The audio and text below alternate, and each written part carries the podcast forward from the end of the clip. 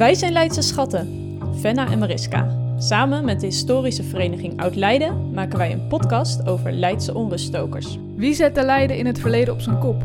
Over wie ging het gesprek van de dag? En wat hebben deze onruststokers ons vandaag nog te zeggen? Lopend door Leiden gaan we terug in de tijd, op zoek naar hun verhaal.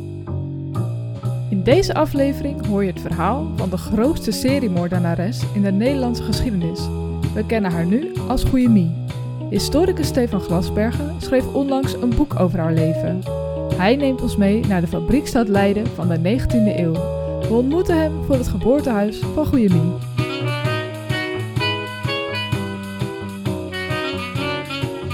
Nou, we zijn al eh, in de goede straat in ieder geval. Kijk, daar staat hij al. Hoi. Hoi. Oh, hallo. Eh, ja, waar staan we? Nou, op de, op de Oostwarsgracht. Wat tegenwoordig geen, eh, geen gracht meer is. Nee, maar inderdaad. gewoon een eh, verharde straat. Maar eh, ja, voor de plek waar ooit eh, de hoofdpersoon van vandaag, uh, geboren is. In september 1839. Oké. Het huis waar ze geboren is, heeft hier tot in de jaren 80 gestaan. Maar dat was zo'n krot dat er eigenlijk geen redder meer aan was. Echt een, echt een vervallen huis. Het is gesloopt en nu staat er een ja, modern appartementgebouw op, op de plek. Maar er is nog wel een gevelsteentje ingemetseld waar dus op staat... Hier werd geboren Maria C., dat staat voor Catharina Zwanenburg, bekend als Goeie Mie, op 9 september 1839. Ja, die toevoeging Goeie Mie, die, die vind ik zelf wel waardevol, want helemaal niemand in Leiden weet wie Maria Catharina Zwanenburg is. Maar de meeste Leidenaren weten wel wie Goeie Mie is. Dus eh, dat is goed. Ja, en hier, is het, eh, hier begint het dus eigenlijk, het verhaal vandaag. Ja, oké, super. Laten we even iets verder van de drukke weg ook af gaan staan. En dan staan we nu weer midden op het plein waar dus vroeger een gracht was. Ja. Hoe zag het eruit toen eh, Maria Zwanenburg hier eh, leefde? Nou, je moet je voorstellen dat in die, in die 19e eeuw eh, de stad eigenlijk twee gezichten heeft. Hè. Je hebt de wereld van de universiteit. en iedereen die ertoe doet, en die concentreert zich ja, op het Rapenburg, de buurten daaromheen. Dus dat was eh, nou ja, echt heel mooi. Jullie kennen de statige herenhuizen wel daar. Het is nog steeds hartstikke prachtig natuurlijk. Ehm, maar eigenlijk naarmate je dichter bij de randen van de stad kwam, werd het steeds slechter. Dus de, de industrie, maar ook eh, de begraafplaatsen, de volksbuurten waar de arbeiders woonden, eh, die zaten allemaal aan de rand van de stad. Ehm, en dus eh, ja, ook de Oostwarsgracht, want we zitten hier vlakbij uh, ja, wat, wat vroeger het einde van Leiden was. En dus een buurtje met heel veel zware industrie. Er was hier een ijzerfabriek vlakbij, er waren jeneverstokerijen hier in de buurt. Er was een zoutketen hier om de hoek waar ja, zout voor de verkoop werd opgeslagen, denk ik. Ja, dus, dus dat soort uh, tafereelen moet je daarbij voorstellen. Echt zware industrie. En hoe denk je dan dat het geroken heeft hier? Ja, dat is denk ik wel het eerste wat je zou opvallen als je een soort teletijdmachine zou hebben om uh, terug in de tijd hier naartoe te reizen. Want die, die grachten, ja, die nu dus allemaal gedempt zijn, die, uh, die lagen toen gewoon nog open. Daar werd natuurlijk van alles in gedumpt. Uh, er was nog geen riolering in 1839 in de stad. Uh, dus ja, alle uitwerpselen en zo, die gingen naar beerputten toe, die op allerlei plekken in de wijk ja, waren. Uh, er waren mensen die nog beesten thuis hielden. Denk aan, aan varkens en, en, koeien. Nou, dat brengt natuurlijk ook wel wat geur met zich mee. En dan dus ja. de uitstoot van ja, al die, die stoommachines die hier in die fabrieken stonden. Niet gefilterd, gewoon volle bak ja, pompen dag en nacht. Ehm, dus ja, dat moet toch wel een bijzondere combinatie zijn geweest. Daar kun je wat bij voorstellen. Ja. En ja, zij zat daar dus middenin. En um, hoe zag haar huis er dan uit vroeger? Ja, het is echt, echt heel klein. Je moet je voorstellen dat als je binnenkomt, er beneden één kamer was. Uh, er stond dan een, een bedstee in. Uh, dus dat is waar de ouders uh, sliepen. En dan, nou, dan kon je een trappetje op naar boven. en dan zat je gelijk onder het dak. En daar sliepen de kinderen. Um, en in het huis waar, waar is opgegroeid zijn twaalf kinderen geboren. Van wie er slechts vijf de volwassen leeftijd hebben bereikt. Hoe kan dat? Nou, ik, ik, denk dat een hele belangrijke verklaring zit in de, de vervuiling van die buurt. Uh, dat is geen gezonde omgeving uh, om hen op te groeien. Uh, kinderarbeid komt natuurlijk op grote schaal voor in de 19e eeuw, ook in Leiden, in die arbeidersgezinnen. Dus we weten van ja, Goeie Mie zelf bijvoorbeeld dat ze nooit naar school is gegaan. Ze kon zelfs haar eigen naam niet schrijven. Hoe, hoe weet je dat? Nou, ze heeft dat zelf ja, verklaard in een van de verhoren van de politie. Maar ook haar huwelijksakte bijvoorbeeld heeft ze niet met haar eigen naam ondertekend, maar alleen een kruisje gezet. Hm, Oké. Okay. Uh, ja, dat was, dat was wel normaal in dit soort buurten. Uh, maar wat ook uh, speelt is dat er om de haverklap ja, gewoon allerlei nogal besmettelijke ziektes uitbraken in dit soort wijken. dus de mazelen, de rode hond. Maar vooral cholera. Uh, Goeiemie heeft tijdens haar leven vier cholera-epidemieën meegemaakt. En vooral die van 1866 is heel heftig geweest. Je moet je toch voorstellen dat op een bevolking van, nou, ik denk 47, 48.000 Leidenaren in een paar maanden tijd gewoon 800 mensen omkwamen. En die epidemie die, die hield ja, veel zwaarder huis in, in dit soort arbeidersbuurten. en maakte vooral onder jonge kinderen heel veel slachtoffers ja, zoals je denkt dat corona nu heftig is, uh, het, kan nog, het kan nog een stapje erger. het kan zeker wel flink erger, ja. Maar uh, ja, en hoe zag zo'n dag van haar leven eruit, denk je? Nou, het is, het is in dit soort buurten echt overleven. Uh, ze, ze, komt uh, trouwens uit een uh, ja, traditioneel lakengezin. Dus haar, haar ouders en grootouders en nou ja, nog heel wat generaties daarvoor... die waren allemaal werkzaam in de lakenindustrie.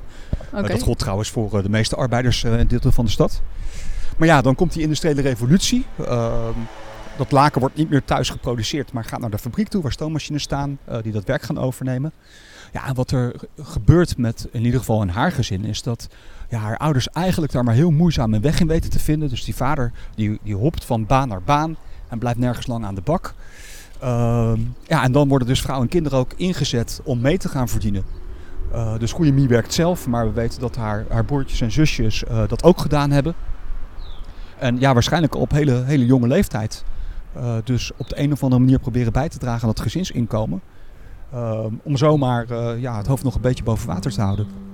En later is ze dus getrouwd, maar ik denk dat, dat, dat we daarover op de volgende locatie gaan hebben. Ja, alhoewel ik wel denk dat ze, dat ze elkaar in deze buurt ook hebben moeten leren kennen. Oh ja? Ja, het is, het is ja, namelijk zo dat ja, haar echtgenoot heet Johannes van der Linden. Ja. Um, en uh, ze, is, ze is zwanger van hem geraakt voordat ze getrouwd waren. Dus haar eerste kinderen waren uh, buitenechtelijk. En ze woonde nog bij haar ouders op het moment dat ze zwanger raakte van uh, haar eerste kindje. Dus, ze wonen nog hier? Ze wonen nog hier, ja. Oh, oké. Okay. Ja. Dus ja, hij moet hier ook rondgelopen hebben. Dan ben ik benieuwd naar het vervolg en dan gaan we naar de volgende locatie. Ja, top, leuk.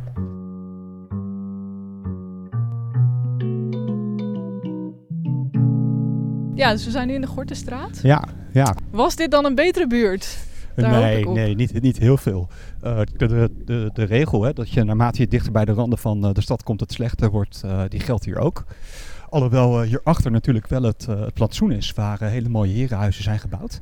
Oké, okay, ja. Dus ja, de, de, de scheiding der klassen kun je eigenlijk niet beter zien dan hier, want het loopt dwars door die buurt heen. Ja, dus we kunnen dat park zie ik hier liggen. Ja, precies. En eigenlijk staan we er 30 meter vanaf, gok ik ja. zo. En dan ja, was hier uh, waar zij leeft in totale armoede. Ja, ja, dus, uh, ja het is het, het uh, tweede huisje aan de linkerkant hier. Oké. Okay. Waar die meneer bezig is. Ja. Hallo. Ja, we zijn uw, uw huis aan het bespreken geweest. hoorde ik al net. En u weet het lugubere verhaal een beetje. Ik heb een boek gelezen. Oh, wat leuk. ja, ja, ja dat, dat, daar kom je niet aan natuurlijk als nee, je hier nee, woont. nee, zelfs in een artikel, geloof ik, ons huis ge gefotografeerd wordt om er. Ja. Dit, dan, uh, ja, dan word je toch nieuwsgierig. Ja, dat kan ik me voorstellen. Maar we hebben niks gevonden van uit die tijd hoor. Nee, haar geest waart er niet meer rond, uh, nee, nee. En zij wonen dus in deze straat. Hoe zag deze straat er toen uit in die tijd? Ja, ik denk dat je dat wel kan vergelijken met wat we eerder op die Oost-Dwarsgracht hebben gezien. En uh, later ook in de Groene Steeg. Ja, het zijn dus uh, hele ja, kleine huisjes over het algemeen, waar heel veel mensen dicht op elkaar gepakt zitten. Dus men, men leeft veel meer op straat dan we dat tegenwoordig gewend zijn. Nou ja, en als je dus die, die stadskaarten bekijkt, ja, dan, dan zie je dus dat, dat er uh, twee deuren verder iemand is met een stel uh, varkens in een stal uh, voor de deur. Dat vind ik toch ook wel een mooi beeld. Ja, ja die, die beerputten waar ik het over had. ja, dus die, die, die stanken waar we het eerder over hadden, ja, dat, dat zou je ook gespeeld hebben.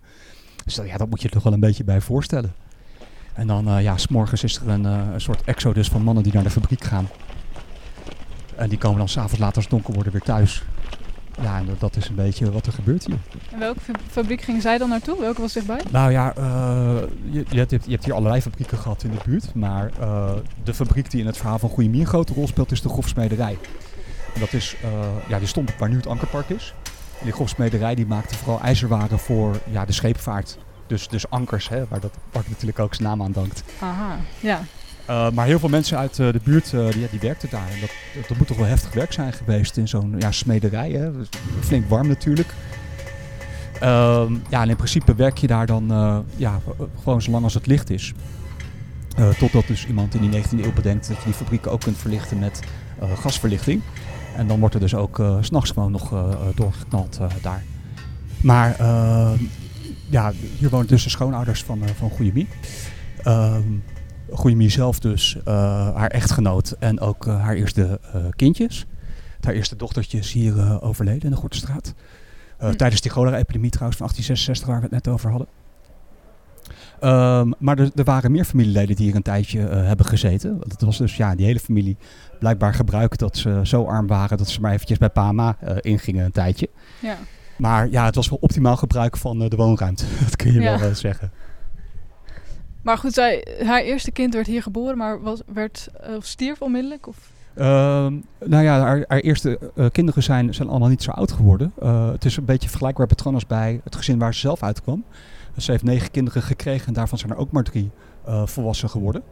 Wow. Uh, en de, de eerste twee kindjes die, uh, die allebei ja, buitenechtelijk waren, waren twee meisjes. En daarvan is er eentje hier overleden in de Gortenstraat tijdens die cholera-epidemie.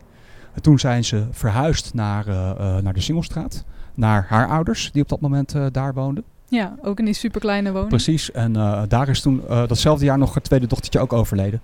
Dus dat is heel kort achter elkaar uh, gebeurd. Wat was de impact, denk je, op haar? Ja, ik, ik heb zelf geen kinderen, maar ik, ik kan me toch voorstellen dat het verliezen van een kind voor een moeder het allervreselijkste is wat, er, wat je kan overkomen. Ehm, en ja, er is wel eens beweerd dat, dat in die 19e eeuw, hè, waar de dood zo normaal is, ja, mensen afgestomd raken, minder lijden onder het verlies van, van kinderen. Uh, moderne historici uh, die zeggen dat uh, dit juist weer onzin is. En dat we ook heel veel aanwijzingen hebben uit allerlei ja, documenten, zoals dagboeken, waaruit blijkt dat er wel degelijk heel veel affectie was voor die kinderen. En die moeders het heel zwaar hadden. dat die kinderen constant maar ja, overleden op hele jonge leeftijd. Ja, het lijkt mij bijzonder heftig als je in een tijdsbestek van nou, misschien 10, 11 jaar, waarin ze negen kinderen krijgt, er zes moet begraven. En je dat ook gewend bent van huis uit, hè, waar het ene na het andere broertje of zusje uh, ja, overlijdt onder de meest vreselijke omstandigheden en je dat dan uh, moet, moet gaan begraven. Zo, ja. Dus ja, dat, dat tekent je als mens. Dat, uh, dat kan toch bijna niet anders? Nee, inderdaad. En nu las ik in jouw boek dat het mogelijk is dat ze na, haar, na het overlijden van haar laatste kind ook aan de drank ging. Ja, en, en, dat is dus ook hier in die, die Gortenstraat gebeurd. Overigens dronk haar vader ook. Dat is ook echt zo'n stereotyp beeld van arbeiders in die 19e eeuw die dan uh, ja, aan de ellende proberen te ontsnappen en uh, naar de fles grijpen. Misschien gebeurt het andersom ook wel dat men naar de fles greep en daarom uh, de ellende begon. Maar goed, uh, die begint dus met, met drinken op het moment dat haar laatste kind hier overlijdt, hier in de Gortenstraat. En dat ja, weten we omdat allerlei ooggetuigenverklaringen dat later in het volonderzoek naar haar proces hebben verklaard. Dus we kunnen dat ook redelijk uh, nou ja, dateren wanneer die alcoholverslaving ongeveer uh, begonnen moet zijn. En ja. Uh, ja. niet heel lang daarna begint hier ook het moorden. Misschien gaan we daarvoor naar de laatste moord die ze heeft gepleegd. Het huis daarvan. Ja, de Groene Staat hij er nog? nee.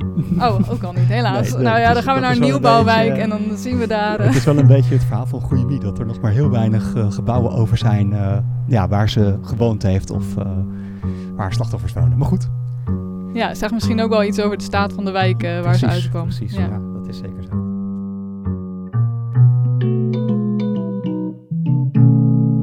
Oké, we zijn nu in de Groene, Steeg. En ja. uh, waar gaan we heen? We gaan naar de plek waar ongeveer het uh, huis van de familie Frankhuizen stond.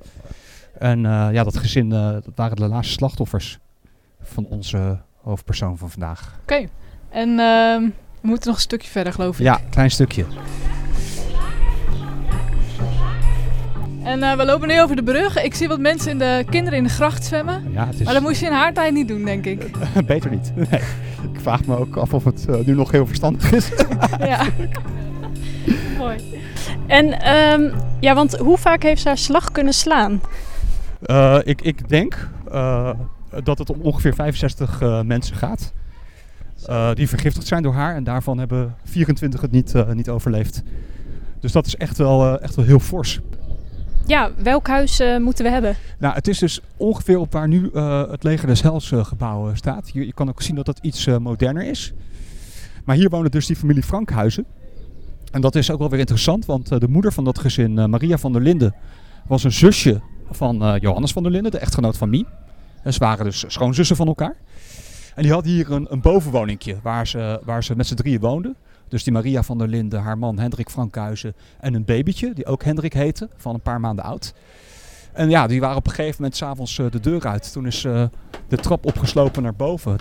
Daar heeft ze het arsenicum in het eten gegooid dat nog in een potje boven het vuur hing te pruttelen. Alle drie hartstikke ziek. Uh, dus, dus heel snel overgeven, verschrikkelijke diarree. Nou, die, die moeder en kind uh, overlijden binnen 24 uur. En ze gebruikten dus arsenicum. Arsenicum, dat is het, ja. Wat, wat voor gif is dat? Nou ja, het uh, arsenicum, het is een, een poeder. dat in die tijd in de drogisterijen verkocht werd ja, als je last had van ongedierte. Het droeg de naam opperment, zo noemde men dat. En dat poeder, dat, ja, dat moest je dan door een emmertje met kalk laten mengen. Dat moest de drogist doen. En dan kon je dat vervolgens thuis op de muur en op de vloer smeren. En dan, uh, ja, dan gingen de, de, ratten en de muizen eraan. Dat was een beetje de gedachte. Maar in de praktijk gebeurde dat heel vaak onnauwkeurig. Er zijn op een gegeven moment naar een uh, drogisterij op de Hoge Boertje vlakbij uh, twee agenten undercover naar binnen gegaan. eh, met de vraag van nou, eh, we willen wat opperment kopen, gewoon los. Voor 10 cent, dat kregen ze mee. In zo'n hoeveelheid dat je er 100 mensen mee zou kunnen vermoorden. Dus zo makkelijk was dat. Hoe zijn ze uiteindelijk dus bij Goede Mie terechtgekomen? Die vader, Hendrik, die besluit dan, steunend en kreunend op zijn moeder, naar de Breestraat te gaan. Want daar zat een arts, uh, dokter Wijnand Rutgers van der Loef, uh, de held van dit verhaal eigenlijk. Want hij is dus de eerste uh, die wel de moeite neemt om goed naar deze man te kijken en die constateert vergiftiging. Oh. En dan weten ze nog niet gelijk dat het arsenicum is, maar wel dat het mis is. Nou, en, en die arts besloot ook dat er aangifte gedaan moest worden. Ja, en dan begint het balletje te rollen. Wat, wat cruciaal was, is dat, uh, ik zei al, dit was een bovenwoning waar die familie Frankhuizen woonde. En de onderbuurvrouw, Judith Zitman heette zij, die had goede mie naar boven uh, horen gaan. En haar ook eventjes gesproken. Dus toen die agenten met dat buurtonderzoek uh, begonnen, ja, toen kwamen ze natuurlijk heel snel bij haar terecht. En die zei van ja, uh, op de dag dat ze ziek werden heb ik uh, die mevrouw van der Linden daar uh, de trap op zien gaan. ja, Zwanenburg toch? Sorry? Zwanenburg. Ja, van der Linden is natuurlijk de naam die ze krijgt als ze getrouwd is hè, oh, met haar ja, echtgenoot. Maar in ieder geval, er, was dus ook iemand in de buurt die zei van ja, het is me opgevallen dat zij vaak actief is met, met begrafenisverzekeringen. Want dat was een, een belangrijk motief. wat ze namelijk deed is ja, begrafenisverzekeringen afsluiten op haar slachtoffers. Het, het, was zo dat, dat mensen in dit soort buurten heel erg arm waren, maar wel ja, belang hechten aan het krijgen van, van een fatsoenlijke begrafenis. Dus verzekerde men. En dat, dat kon je in die tijd doen op iedereen, zonder dat mensen die je verzekerde dat het wisten. En je kon het ook meerdere keren doen.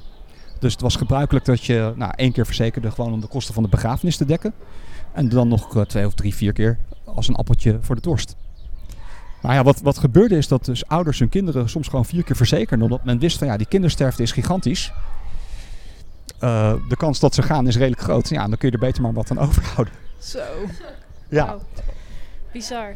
Ja, dus ja, dat, dat, dat is echt uh, iets wat we van haar onthouden hebben. Goeie mie, arsenicum en het ging om uh, de penningen van de begrafenisfondsen. in de praktijk blijkt dat trouwens wel mee te vallen hoor. Want van die 65 vergiftigingspogingen heb ik in ja, 13 of 14 gevallen kunnen aantonen dat er daadwerkelijk sprake was van een verzekering. Maar ze had nog wel wat, wat andere financiële motieven manieren om er financieel beter van te worden. Zo moet ik het zeggen eigenlijk. Ja. Dus soms krijgen ze stukken van de erfenis. Uh, we weten ook dat ze mensen heeft vergiftigd waar ze schulden bij had uitstaan. Nou, dat is natuurlijk ook een uh, slimme truc. Ja. Um, soms hielpen ze ook uh, ja, bij de begrafenis. Dus dan wasten ze het lijk of hielpen ze bij het sluiten van de kist. Daar lieten ze zich ook voor betalen. Was dat normaal dat je over van ja, al die klusjes Ja, dat was, dat was normaal. kijk, mensen waren zo verschrikkelijk arm. En uh, ja, alles wat maar een klein beetje het gezinsinkomen uh, kon vergroten, werd aangegrepen. Uh, en het was dus heel gebruikelijk om voor dat soort hand- en spandiensten iets te vragen en ook iets te krijgen. Dus het was niet alleen maar die begrafenisfondsen? Nee, nee. En het, het, is zo dat nou, ongeveer de helft van haar moorden, vooral in de eerste jaren dat ze aan het moorden slaat, vrijwel allemaal een financieel motief hebben. Maar ook dat begint, ja, naarmate we dichter bij de arrestatie komen in 1883, te veranderen.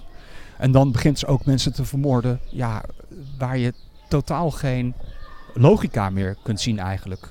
Uh, tekenend is bijvoorbeeld uh, ja, de, de moord op de, de zusjes Apen. Die woonden in de Singelstraat waar Goeie Mie uh, ook woonde. Dat is nu een parkeerplaats ongeveer voor begraafplaats Groenesteeg, hier vlakbij. En die, die zusjes, daar pasten ze op, daar kregen ze voor betaald. En dan besluiten ze dus gewoon eh, in 1883 om die meisjes allebei te vergiftigen. En die gaan ook dood. Nou, da- daar is alle financiële logica verdwenen. Ja. En dan wordt het nog gruwelijker, want een van die meisjes staat dan thuis opgebaard. In de 19e eeuw zijn er nog geen rouwcentra, dus, dus lichamen van overleden mensen staan letterlijk in de huiskamer. En dan komt er eh, ja, rouwvisite langs. Nou zegt Mie, ik ga wel even koffie voor jullie halen. En vervolgens doet ze dus een lading arsenicum in die koffie. En vergiftigt ze die complete visite. En die mensen overleven het wel. Ze worden doodziek, maar ze overleven het gelukkig allemaal. Maar ja, dat laat zien dat ze ja, op een gegeven moment echt de weg kwijtraakt. Voor zover dat dan niet het geval was natuurlijk bij Ja. haar eerste moorden. Maar eh, ja, wat denk je dan? eh, was dat haar persoonlijkheid? Ja, valt dat te verklaren? Nou, eh, het interessante is dat Goeie Mie eh, op een gegeven moment, toen ze gearresteerd was, onderzocht is door twee artsen. En ja, de, vraag was natuurlijk, is deze vrouw wel toerekeningsvatbaar? Is ze wel goed bij haar hoofd? En die ja, trokken toch de conclusie dat ze volledig bij haar verstand was. En als je die, stukken leest die die twee artsen geschreven hebben, ja, de, de, de ergernissen dat ze zich met deze vrouw moeten bezighouden, spat er van af. En eh, ja, van, van objectief onderzoeken is naar onze maatstaven geen sprake geweest eh, daar. En stel ze was nu opgepakt, zou ze dan eh, in het Pieter Baan Centrum terecht zijn gekomen? Nou, ehm, kijk, ze, ze, heeft die, ze heeft die moorden gepleegd. Dat staat voor mij als een, een paal boven water. Ehm, maar ik denk wel dat, dat er eigenlijk in de geschiedschrijving over haar persoon heel lang weinig aandacht is geweest voor eh, ja, de, haar ervaring in haar jeugd, eh, de, de trauma's die ze heeft opgelopen met het verliezen van haar broertjes, zusjes, kinderen. En dat, dat maakt iemand natuurlijk wel. En ook, eh, ja, in, in wat voor verschrikkelijke omstandigheden leven mensen. En het praat het natuurlijk allemaal niet goed. Duizenden Leidenaren die ook onder dat soort omstandigheden leefden, hebben het niet gedaan. Maar ja, Katin nou maakt wel gekke sprongen. En dat, dat moeten we wel ja, eh, vergeten, of niet vergeten, als we haar persoon een beetje willen begrijpen, denk ik. Zij werd opgepakt. Ja, Hoe ging dat in en- zijn werk? En toen, eh, ja, toen kwam natuurlijk het, het onderzoek op gang. En al heel snel bleek dat het om veel meer slachtoffers ging dan alleen maar die familie Frankhuizen. En ja, het ontsteeg eigenlijk de capaciteit van het Leidse politiekorps. Ehm, ze is op een gegeven moment eh, overgebracht naar het Huis van Arrest in Den Haag. En Den Haag ja, neemt binnen een paar dagen na die arrestatie eh, het hele onderzoek gewoon af. En eh, ja, wat natuurlijk voor die Frankhuizers eh, belangrijk is, is dat de lichamen vrijwel direct naar de anatomie zijn gegaan hier in Leiden. Want men bedacht dat er sectie verricht moest worden op die lichamen om uit te vinden welk vergif er was gebruikt. Ja, nou dat is een mooi bruggetje naar de volgende locatie. Want dan gaan we naar het eh, anatomisch eh, centrum. Hoe noem je dat eigenlijk? ja waar, het- waar het Laboratorium. ooit was. Ja, Want ook, ook dat is helaas verdwenen. eh, maar dat is nu de rechtenfaculteit, toch? Ja, precies. Het gebouw staat er nog. Ja, het gebouw staat er nog. Nou, dat vind ik al heel wat.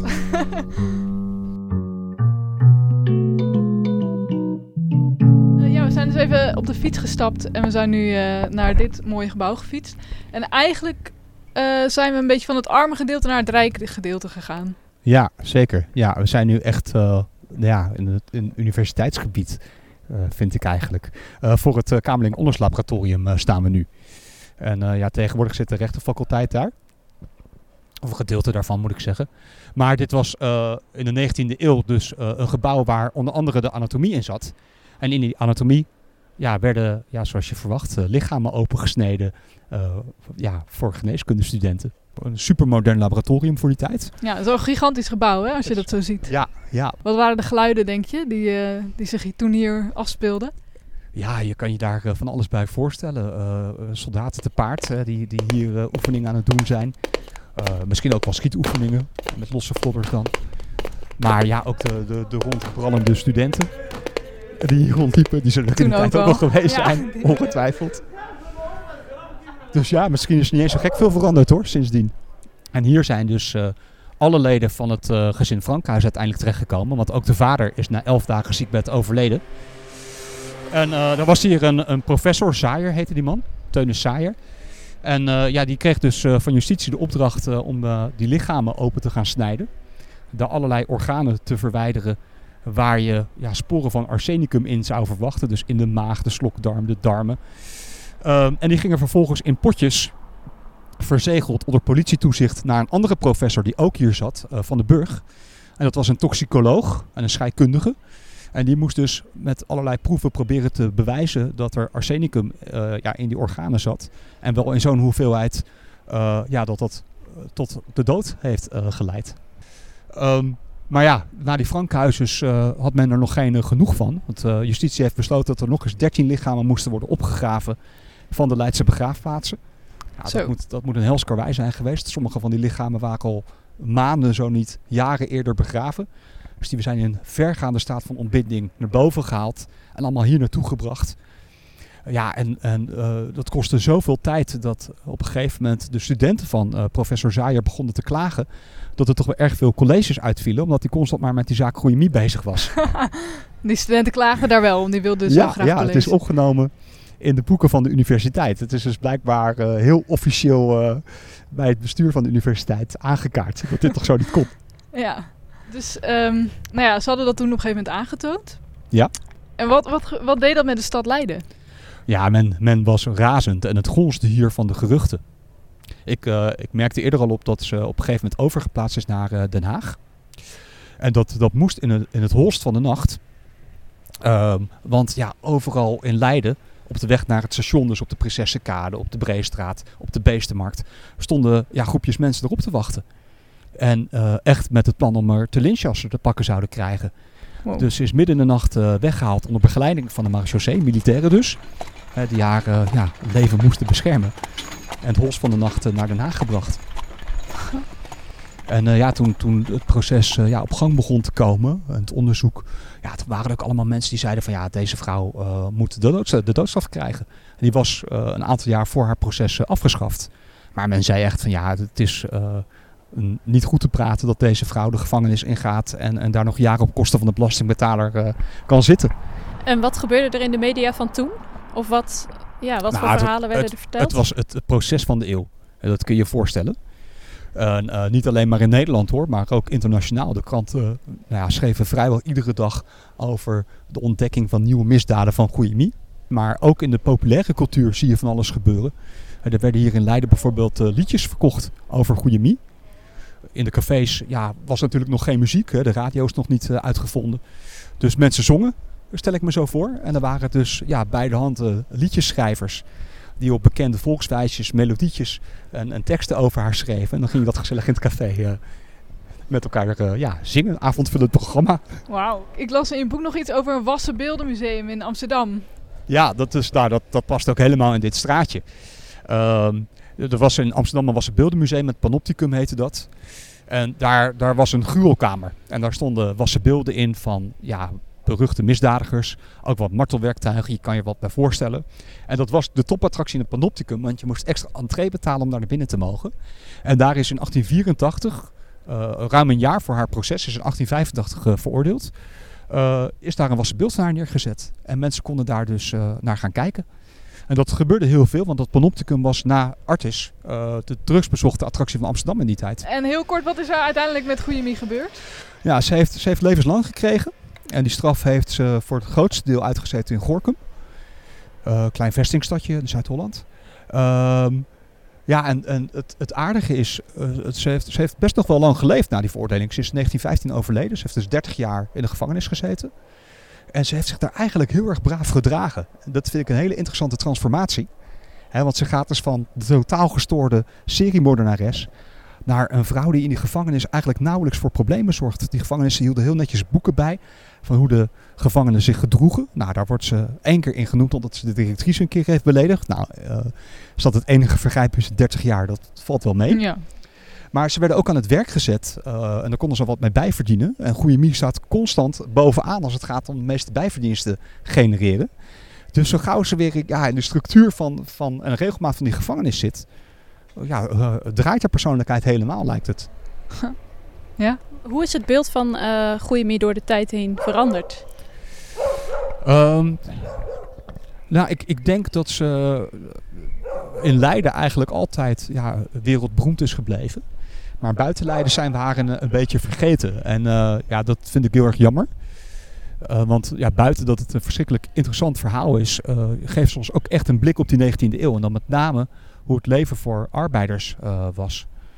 En eh, ja, als je door haar ogen kijkt, dan, dan zie je zo'n andere wereld dan we tegenwoordig eh, met elkaar gewend zijn. Terwijl het nog helemaal niet zo gek lang geleden is. Hè. Eh, Nederland heeft zo'n verschrikkelijk positieve transformatie doorgemaakt in de laatste anderhalve eeuw. Ja, dat, dat vind ik heel erg interessant aan, aan haar verhaal. Ja, en wat, wat voor mij ook speelt, we, hebben het hier in Leiden altijd over de grote mannen. Ja, we staan hier bij het Van de Werfpark, een van die Leidse helden. Maar eh, ja, die Leidse vrouwen, die, eh, die krijgen toch eh, traditioneel wat minder aandacht. En dat mag ook wel eens een beetje anders, vind ik. Ja, alleen heb je dan net geen held uitgekozen. Ja, maar we praten geschiedenis natuurlijk constant over dubieuze figuren. Ja, Ehm, die horen er ook bij. ja, dat is zo. Tot zover deze aflevering over Goeie Mie. Over twee weken weer een nieuwe aflevering over een Leidse onruststoker. Volg ons op Facebook of Instagram via Leidse Schatten. Vragen of opmerkingen kun je sturen naar leidseschatten.outlook.com. En neem natuurlijk ook even een kijkje op de website van de HVOL, waar deze podcast te vinden is en waar veel meer mooie Leidse verhalen staan. Ben je enthousiast over deze podcast?